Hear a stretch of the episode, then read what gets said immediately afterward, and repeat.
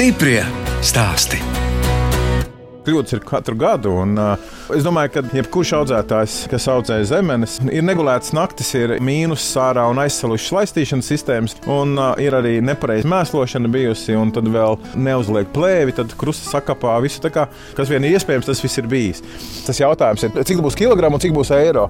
Un ja mēs sākam no tā gala rēķināt, tad varbūt labāk nesākt, jo tad parasti arī manējās pirmā divu gadu vilšanās bija tik dziļas, ka ilgi sāpēja sirds un nevarēja gulēt, jo dzīve jau noliek visus pa savām vietām. Tā stāsta agronoms un zemeņu audzētājs Gunārs Dzērve. Es, žurnāliste Dāna Zalamane, šoreiz ciemojos pie ģimenes, kas jau sešus gadus Siguldas novada Malpilī audzēja zemenes un rūpējas par 15 zirgiem, veidojot zirgu asistētas mācīšanās un terapijas centru. Zīmolu Augusta Zemenes un Augusta Stallis izveidojuši Iveta un Gunārs Dzērves, Siguldieši, kas savu biznesu attīsta Mālpilī. Gunārs dzimis piebalgas pusē. Bērnību pavadīja Jaunpiebalgā.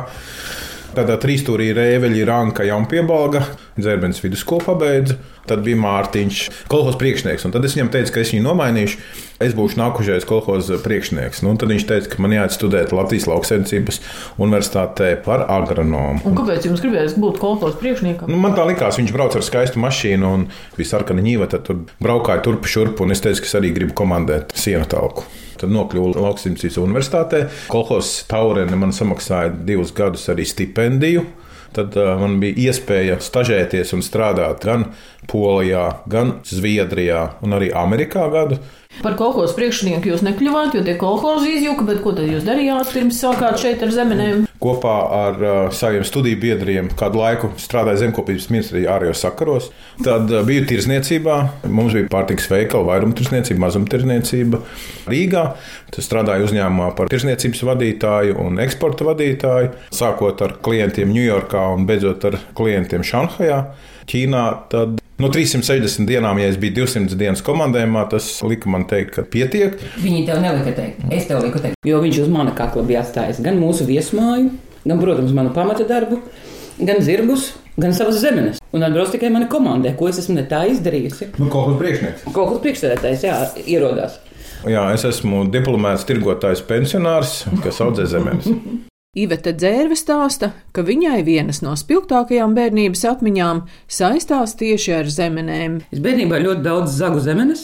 Mani vecāki atcerās vienu stāstu, ko ļoti bieži stāsta. Mēs dzīvojām vecmogrāvī, un tur bija tādas dobas, un atnāk pie maniem kaimiņiem un stāsta, tu zini, ko tā tava meita dara? Guļ pie zemeņa dobes, pie tām zemenēm, atrod pusgatavu zemeni, nokoš to gatavo daļu un rāpo tālāk. Tā bija mana pirmā iepazīšanās ar zemenēm. Visi mēs lienam vai nu pēc apelsīniem, kā viņi dārsos bērnībā, vai pēc zemenēm. Un vēl bērnībā es zināju, ka man būs balts zirgs. Tie visi bērnības kaut kādi sapņi vai nedarbi, viņi kaut kādā veidā realizējušies. Iveta, ko tad jūs mācījāties? Pamatēs esmu psihologs, bet nepabeigts. Pēc profesijas esmu sabiedrisko attiecību konsultants. Bet pastrādājot arī preses izdevumos. Es esmu, jā, un strādājusi drukātajos medijos, krimināla ziņas. Esmu gan apšaudēs iekļuvusi, redzējusi dažādas traģēdijas, iepazinusi gan vienu, gan otru pusi savulaik, 90. gados, gan kriminālo pusi, gan to policijas pusi, iepazinusi daudzus cilvēkus. Tas ir darbs, kas tev liek nemitīgi domāt. Tev jāspēj orientēties ļoti daudzās jomās. Vienā brīdī tev jāspēj konsultēt uzņēmumus, kas strādā farmācijā, otrā brīdī būvniecībā, trešajā brīdī jāpiedalās krīzes komunikācijā. Iveta un Gunārs satikās, kad abiem jau bija iepriekšējo attiecību pieredze. Galvenais, lai ir darītājs, nevis tikai sapņotājs. Galvenais, lai runā pretī. Jā, man būtu ļoti grūti ar vīrieti, kurš atbrauc mājās vakarā un neko īsti nevar padarīt. Alus man negauž no futbola, neskatos. Jā, es teicu, ak, Dievs, ja tu man būtu vīrietis, kurš atbrauc vakarā, paņem alus pudeli, nosēžas pie televizora, viss cauri es nevarētu. Man pašai patīk kustība un Gunteram patīk kustība, un tas ir tas, kas mums vienkārši satur kopā. Tā dinamika. Atkal kaut kāds jauns mēģis, kaut kāds jauns uzdevums, kaut kāds rēbus, kas jāatcerās, atkal kaut kādas nepatikšanas, problēmas, kas jārisina. Man divas laulības bija neveiksmīgas. Šī trešā. Tas, man liekas, atkal cilvēkos rada cerību, ka nekad nav par vēlu, vai ne? Nē, mums ir, paldies Dievam, attiecības arī ar iepriekšējām cilvēkiem mēs uzturām. Un 90. gadu beigas bija dinamiskas, 2008. gada krīze bija smaga, un 9. gada krīze, kad mēs pazaudējām daudz naudas un īpašumus un attiecības un arī kaut kādas kredīt saistības. Tāpēc, kad tam esi gājis pats visam cauri, tas atstāja zināmas slēdes, un tas norūda tajā visā, tomēr palikt cilvēkam, palikt. Latvijā, jo, lai cik tas nebūtu dīvaini, tad ir bieži vien vieglāk ir aizbraukt no Latvijas nekā šeit palikt un strādāt. 15, 20 gadi ir pagājuši. Un mēs esam ar to jūras bankām izgājuši cauri, un tagad eh, esam priecīgi, ka tās lietas, ko mēs esam apgūši tajā laikā, mēs varam parādīt citiem, jo tas arī mums iedod tādu foršu sajūtu. Stiprie stāsti.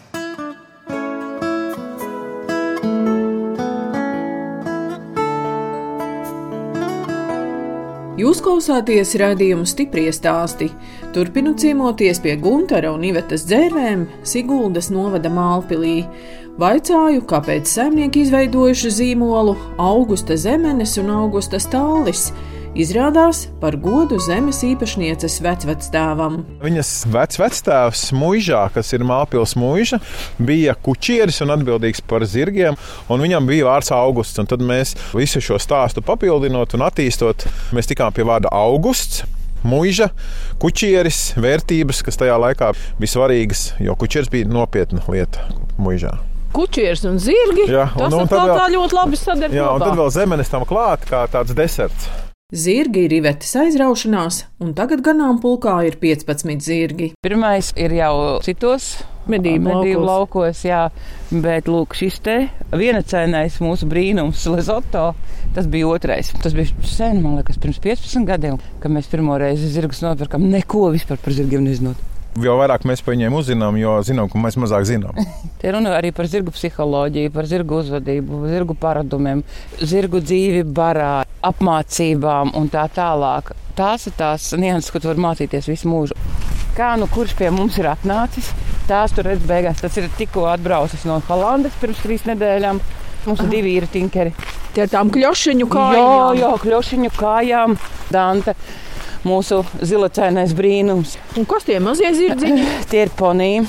Gunārs aizbrauca skatīties to lielāko poniju, Bellu, uz laukiem. Viņš ieraudzīja viņu, iekrāva trailerī un atveda. Jo viņi tik švaki izskatījās. Ponijiem ir traģiski. Latvijā poniji ļoti bieži tiek nopirkti bērniem, un pēc tam iet no rokas rokā. Un šis bija viens no tiem ar nekoptiem nagiem, nekoptiem zobiem, jēla mugura. Šīs ir, protams, Šetlandes ponijas. Mazais šie ir abi divi šetlandieši. Vēl ir tik daudz cietusi, ka viņa spēr kā traka cilvēkiem. Līdz ar to bērniem viņa nedara. Mūsu ponijiem ir ļoti izteikta tendence iet pastaigāt pa māpili. Viņi ir ļoti zinātnīgi. Viņi ir ļoti jā, zinātnēskāri. Viņiem patīk iziet ārā, pastaigāties zālītē. Ja te nav tāda laba zālīte, viņi aiziet arī uz ceļu. Un tāpēc viņu pašu drošība viņi sēž tur. Bet tad, kad būs atkal ganībās vairāk zālītes, vienā brīdī mēs viņus palaidīsim pie bara. Bet mums ir bijuši joki. Viņi aiziet pa ceļu, aiziet pie kaimiņiem, uzbruk suņiem. Tik pa laikam mēs saņemam zvanu, vai tik tie Nu, nav jūsu? bieži vairs ne, Nu, pēdējā pēdējā laikā mazāk, bet uh, blakus mums kaimiņos Kaspars, kas ik pa laikam pazvana. Vai arī mēs redzam, ka atkal ir aizgājuši labākās zāles meklējumos. Tā kā jā, mēs viņus pieskatām. Dārgi parāda savu vienu aci un parāda savu otru aci. Tiešām zila akstiņa. Vai kāds man te viens draugs? Tā ir Āvelīna, mūsu, mūsu skaistā Āvelīna. Ļoti droša un viņai ļoti patīk ar cilvēkiem darboties kopā. Jā. Man parasti prasa, kas viņa, viņa vai viņš ir. Nu kā var vispār nesaprast, ka tā ir viņa? viņas acis, viņas Viņam jau ir tāda mīlīga, mīlīga un sievišķīga. Jā. Un Dante mums ir mazais bosiks, ienāca barā, tā kā visu mūžu būtu dzīvojis. Zirgiem ir ļoti izteikta hierarhija. Ir galvenie, ir kuriem vēl jāizkalpojas un sevi jāpierāda. Ir tādi, kur ir um, vairāk vai mazāk agresīvi. Tos bars ļoti bieži drusku tā kā pastumj ārā no siem audzina. Mums ir trīs galvenie. Mums ir Lezoto, viņa mīļotā sieviete Kerola un Korelī, kurš ir trešais. Viņš tāds tā kā viceboss ir. Pats galvenais ir ar vienu aci akls, bet mīļotā sieviete vienmēr viņam būs blakus Kerola. Pusēs vienmēr viņu atbalstīs un palīdzēs. Bet korelī pēdējā laikā es skatos, viņš ir tāds, kas visu laiku varu vāc kopā. Reku mūsu lipica baltā, pati netīrākā ir. No Lietuvas mēs viņu izpirkām. Ja mēs ieraudzījām Lietuvā ļoti slavenā sliktā stāvā, tur bija skandāls pēc tam stāvā, pēc tam par labturības noteikumu ievērošanu.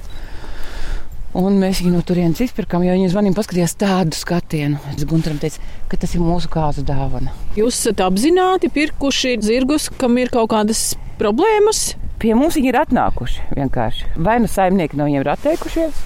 Un mēs maksimāli esam radījuši visus apstākļus, lai šie labturības noteikumi tiktu ievēroti. Tas nozīmē, ka zirgiem ir jādzīvo barā, viņiem ir jāstaigā ļoti lielas platības, lai būtu tās kustības. Un tas viss tiek ievērots šeit. Un tā ir sanācis, ka vairāk zirgi mums tā ir palikuši. Saimniekiem radušās kaut kādas problēmas, un viņi pie mums ir nonākuši. Piemēram, mūsu frīzes Miķelis. Visās filmās viņas var redzēt, tādas, kur karietis brauc. Redz melnus, tādus kraukļu melnus zirgus, tad tie ir frīzi. Viņi skaitās viena no tādiem skaistākajiem, elegantākajiem zirgiem tieši ratos, karietēs. Un no Miķela mēs speciāli izpirkām apzināti, lai viņš neaiziet pa nomām, jo viņš nomā desmit gadus ir bijis. Viņiem mugura ir ieliekta, un tas ir redzams sekas no nepareizas jāšanas. Par zirgiem es varu ļoti daudz ko stāstīt. Jā. Jā. Iveta, bet mm -hmm. jūs izmantojat to zirgus arī izjādēm?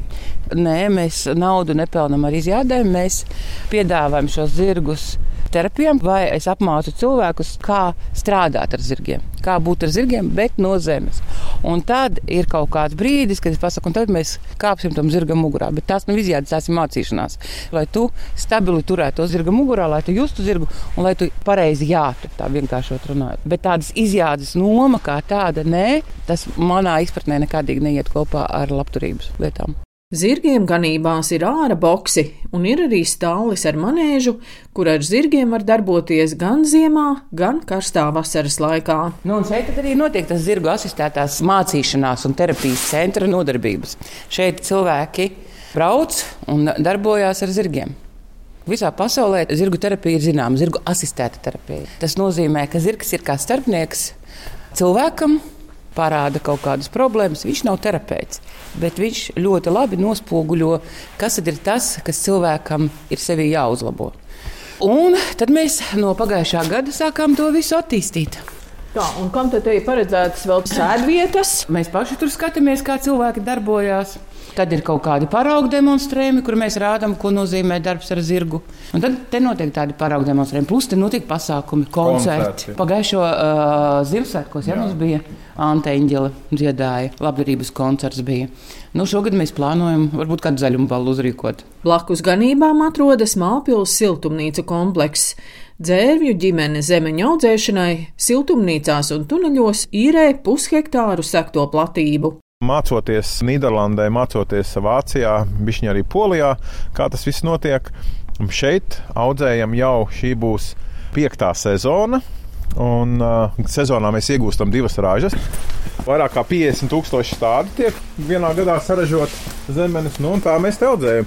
Stādām viņus renēs vai plauktos, paceļam viņus gaisā. Tepat būs apmēram 1,80 m no zemes līmeņa. Tas ir uh, saules dēļ. Jā, tas ir saules dēļ, siltuma dēļ un ā, darba ērtuma dēļ. Jo, tā, kad tu viņus redzi acu augstumā, šīs ogas, tad ražība un tas daudzums, ko tu paspēji nolasīt, kvalitatīvi palielinās par 10-15%. Te ir arī pilienu laistīšana. Jā? Pilienu laistīšana obligāti, jo visas zemes, ko mēs audzējam saktajās platībās, īpaši prasa šo laistīšanu un barošanu. Bet skaidrs ir viens, lai būtu kvalitatīva raža, ja zemenē ir jānodrošina ar pamatlietām - slāpeklis, fosfors un kālijs, kalcijs, lai būtu stipri, mikroelementi, kas ir vajadzīgs. Un šo var iedot tikai un vienīgi cilvēks mērķiecīgi no malas ar pilienu laistīšanu, vai arī barojot zemes pa lapām. Šogad jau esam aprīļa sākumā iestādījuši jau tunelī, kas ir plēves tunelīts. un Mēs iestādām šeit, šajā kūdras maisā stādu.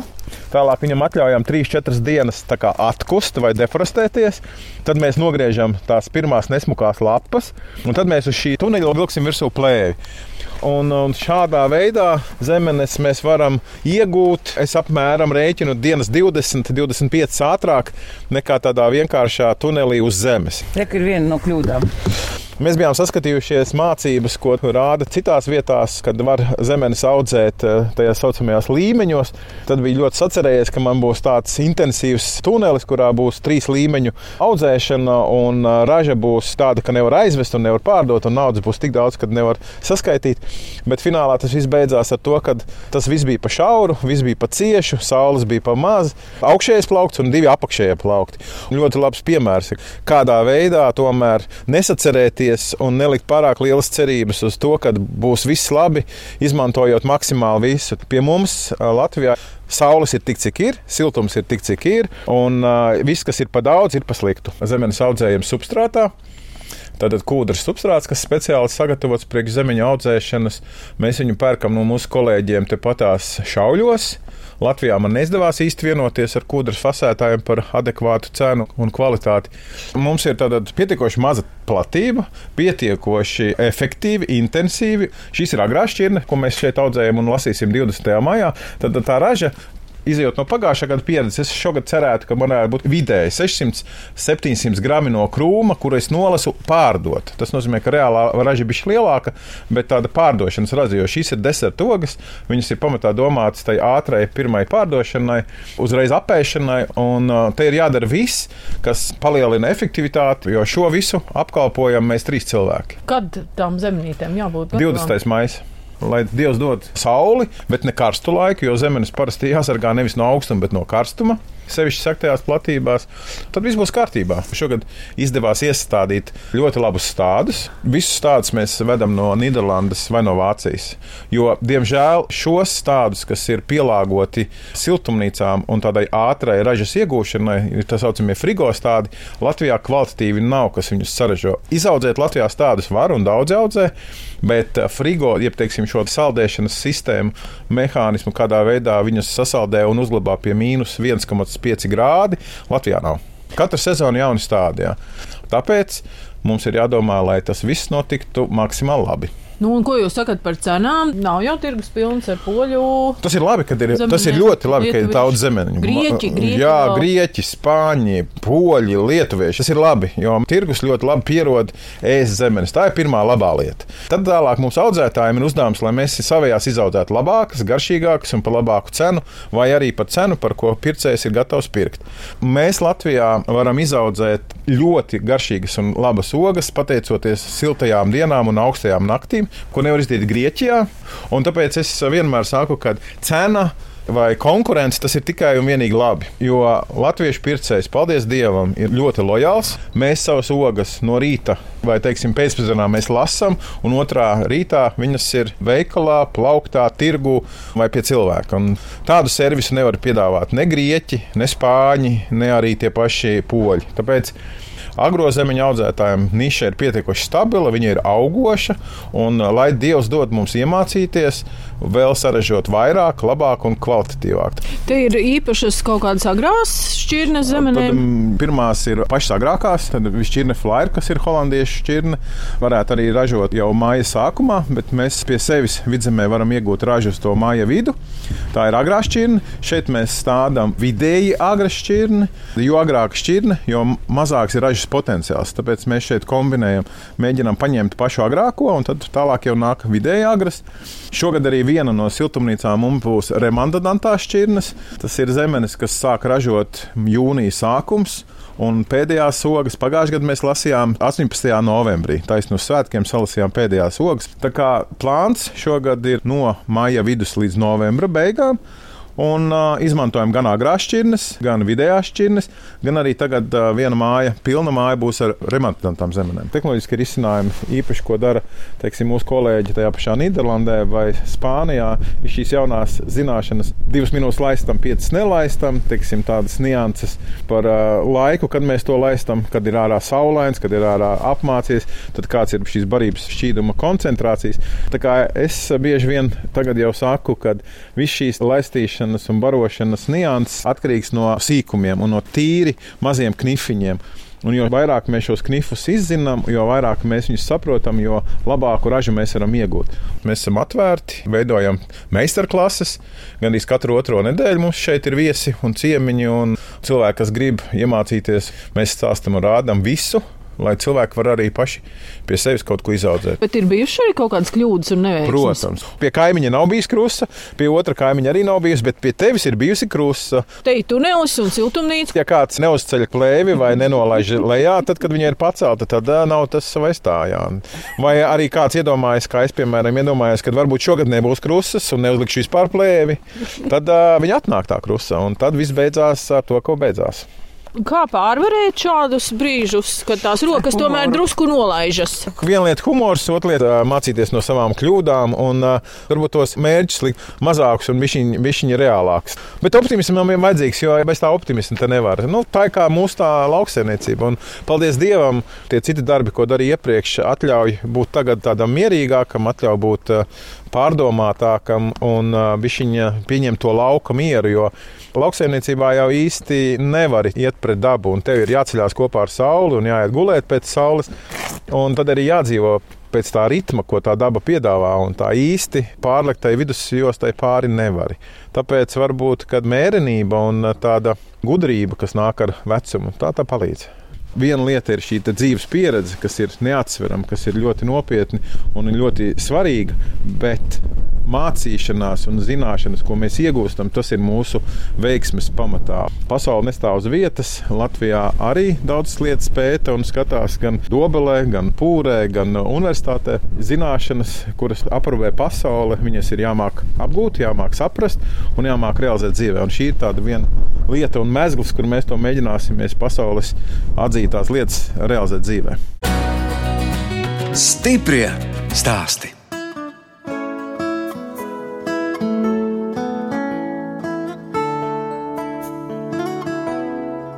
Jūs klausāties raidījuma stipri stāstī.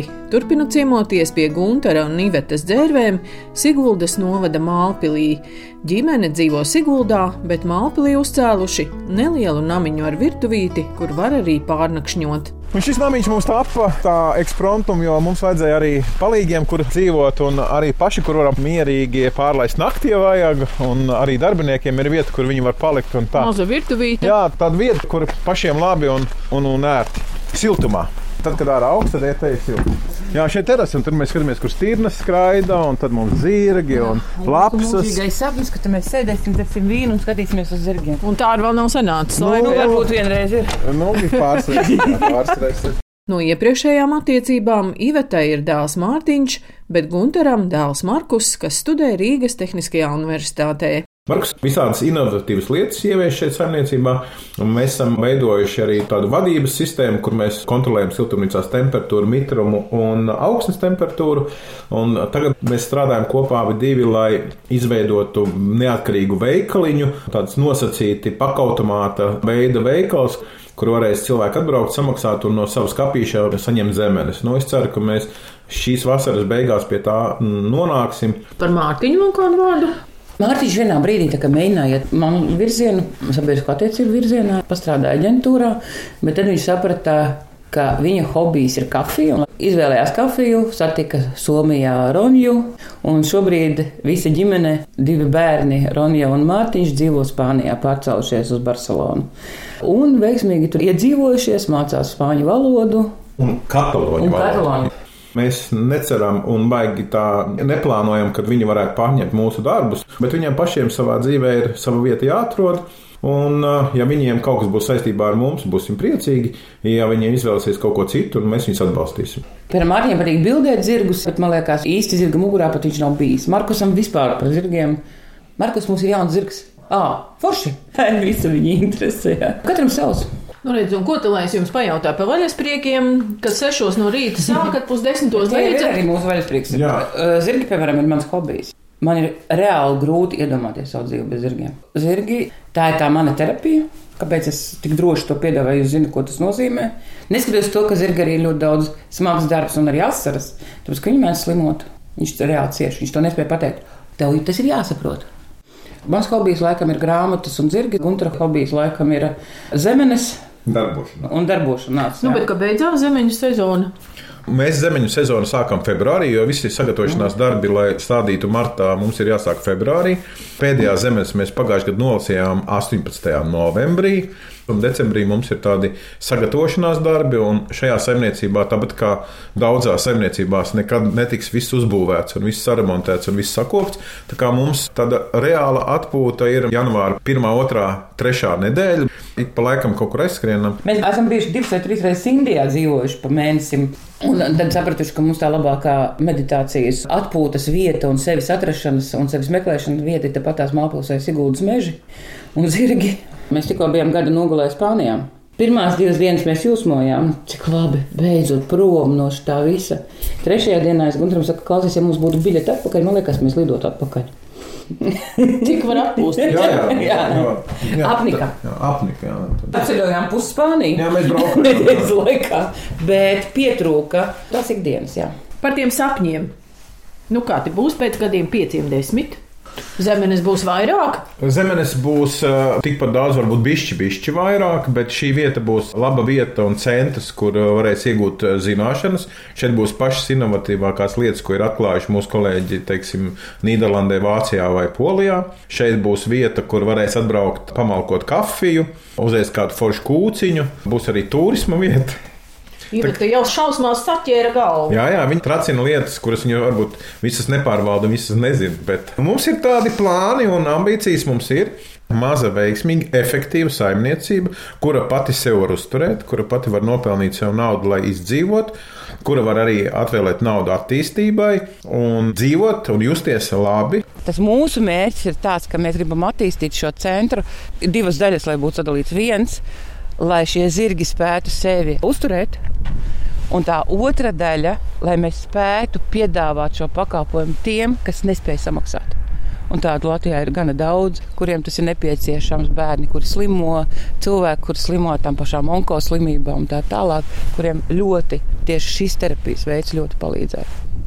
Plānojam šeit aktīvu un dinamisku attīstību nākošiem Nu. 11 gadiem. Kā jūs teicāt, vismaz līdz 75. 75, pēc tam mums vajadzētu beidzot iet pensijā. Ja tev tas process nerada gandarījumu, Prieku. prieku, Tad nevar sākt. jā. nevar naudu varam nopelnīt. Gunārs varēja nopelnīt savā tiešajā profesijā.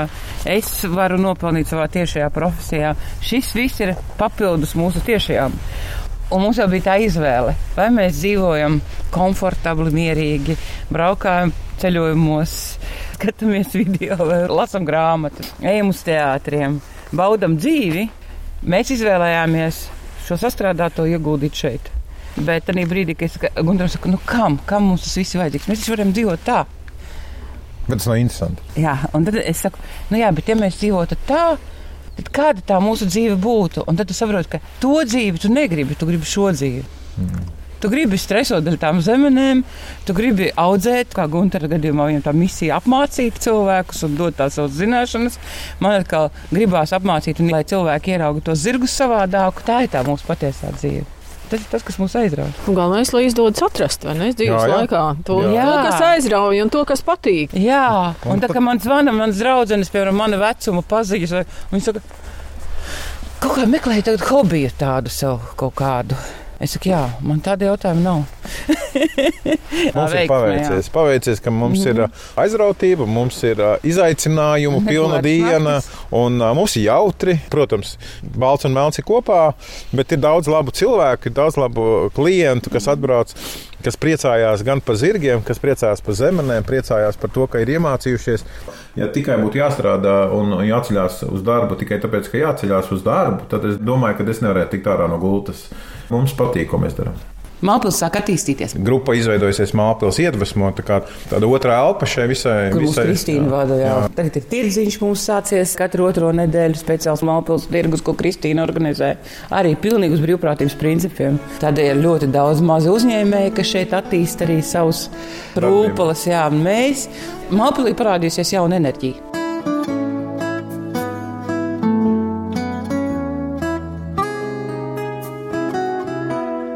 Redījums stipri stāsti izskan, un mēs atvadāmies no Ivetas un Guntera dzērvēm, kas Siguldas novada Malpilī izveidojuši zirgu asistētas mācīšanās un terapijas centru, bet siltumnīcās un tuneļos audzē agrās zemenes un māca to darīt arī citiem.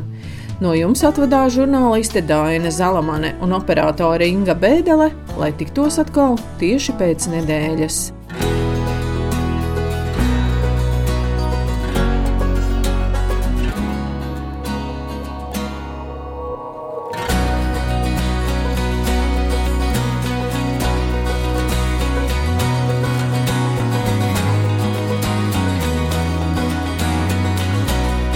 Stiprie stāsti.